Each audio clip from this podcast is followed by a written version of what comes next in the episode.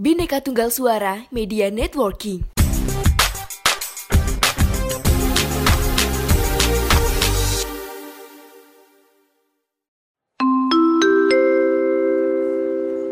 Mohon perhatian.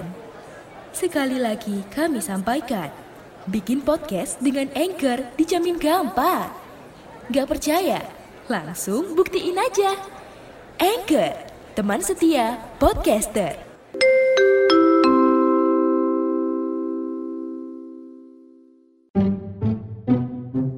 Ya, kita ketemu lagi di podcast Sejarah Indonesia di Content History for Life. Masih bersama saya, Fudin Alif, yang kali ini kita akan bahas sejarah tentang sosok polisi yang dianggap tanda kutip paling bersih ya. Ya siapa lagi kalau bukan Pak Hugeng Iman Santoso. Kenapa saya bahas ini? Ya karena satu dua minggu terakhir kita dihebohkan dengan kasus penembakan Brigadir Yosua oleh teman seprofesinya katanya sih Barada E cuman ya kita belum tahu gimana cerita sebenarnya dan gak usah menerka-nerka juga karena kita nggak ada kapasitas untuk itu.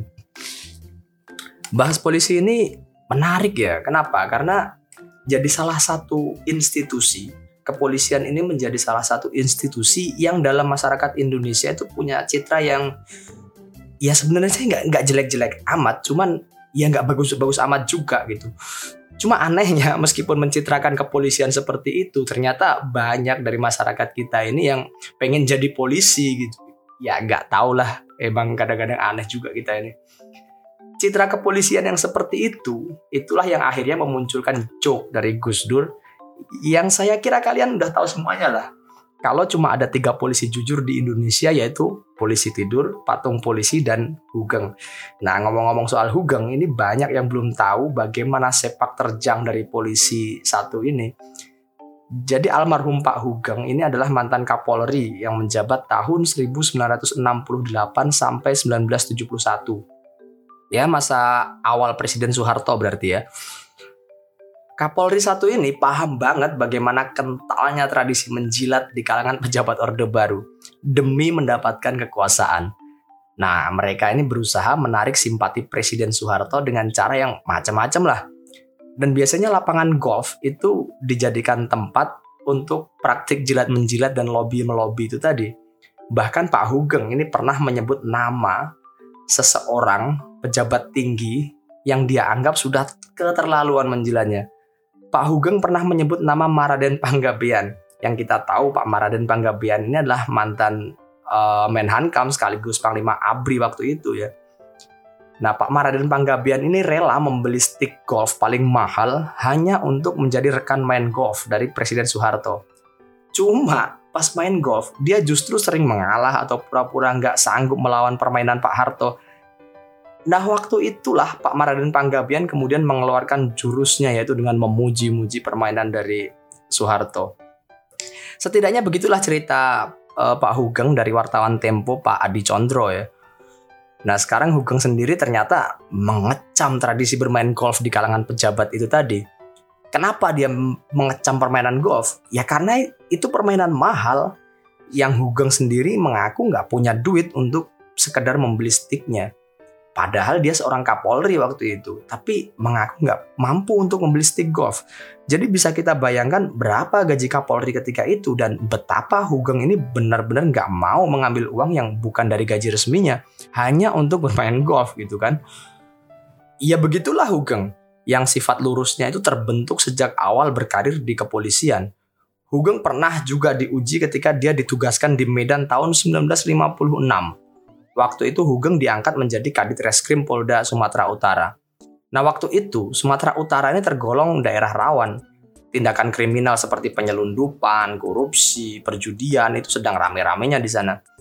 Untuk membereskan masalah itu, Jaksa Agung Suprapto menugaskan Hugeng dan segera disetujui oleh Kapolri Sukanto untuk ditempatkan di Sumatera Utara. Hugeng itu sudah diperingatkan oleh teman-temannya di kepolisian kalau di sana sudah menjadi rahasia umum di Medan sudah jadi rahasia umum kalau pejabat negara itu bisa dibeli oleh kelompok pengusaha Tionghoa yang menjalankan bisnis-bisnis gelap. Bisnis itu bisa lancar karena ada backing dari oknum tentara dan kepolisian. Dan ternyata benar, baru nyampe di pelabuhan Belawan, Hugeng langsung disambut seorang Tionghoa datang dan langsung memberikan selamat ke Hugeng sebagai pejabat baru di Medan. Selanjutnya dia menawarkan rumah dan mobil untuk membantu Hugeng bertugas. Ya, Hugeng mengucapkan terima kasih tapi langsung menolak pemberian itu. Orang Tionghoa kaget kan ya karena baru kali ini ada pejabat dikasih rumah sama mobil tapi nggak mau gitu. Dua bulan kemudian, orang yang sama masih mencoba mendekati Hugeng dengan mengirim perabotan rumah tangga yang serba mahal ke tempat tinggal Hugeng. Dan barang-barang itu banyak banget ya, piano, lemari, meja, kursi, bifet, meja makan, kulkas, dan yang lain-lain. Tapi lagi-lagi Hugeng menolak dan bahkan marah banget dengan pemberian itu. Kalau bahasa sekarang ya biar nggak ada konflik of interest lah. Dan benar ternyata selama di Sumatera Utara banyak banget kasus penyelundupan dan perjudian yang berhasil dia bongkar. Berapa kasus? Nggak terhitung saking banyaknya, karena memang daerah itu benar-benar daerah rawan. Bahkan nggak jarang ya Hugeng ini menangkap langsung tentara atau polisi yang menjadi backingan dari pengusaha-pengusaha ilegal itu.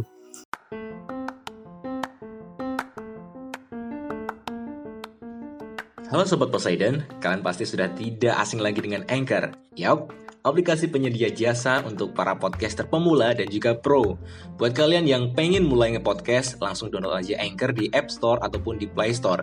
Di sana, kalian bisa nge-podcast dengan banyak banget pilihan background musik. Setelah itu, kalian bisa mempromosikan podcast kalian ke mana pun. Secara otomatis, nanti akan di-sharekan oleh Anchor sendiri. So, tunggu apa lagi? Cus, nge-podcast bareng Anchor. Setelah selesai bertugas di Medan, karir Hugeng terus naik. Hugeng diangkat sebagai kepala jawatan imigrasi, ya kalau sekarang dirjen imigrasi lah.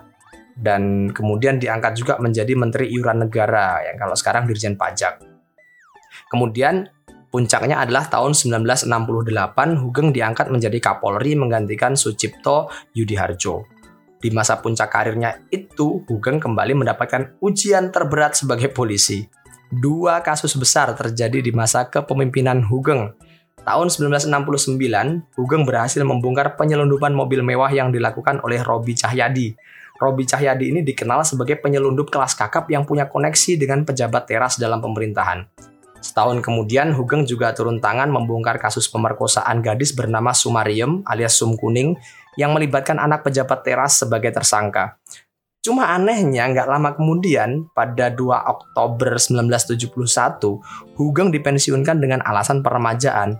Tapi anehnya lagi yang diangkat sebagai pengganti Hugeng itu adalah Muhammad Hasan yang merupakan seniornya Hugeng.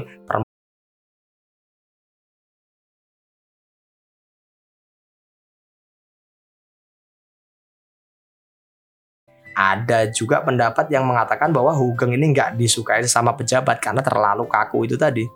Dan pas menghadap Presiden Soeharto, Hugeng ditawarkan tugas baru yaitu menjadi duta besar di Belgia. Tapi Hugeng menolak.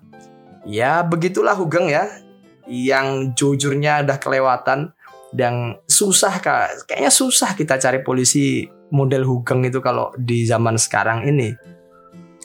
Dan ini menjadi pembelajaran bagi kita dan pembelajaran bagi kepolisian untuk meniru dan meneladani bagaimana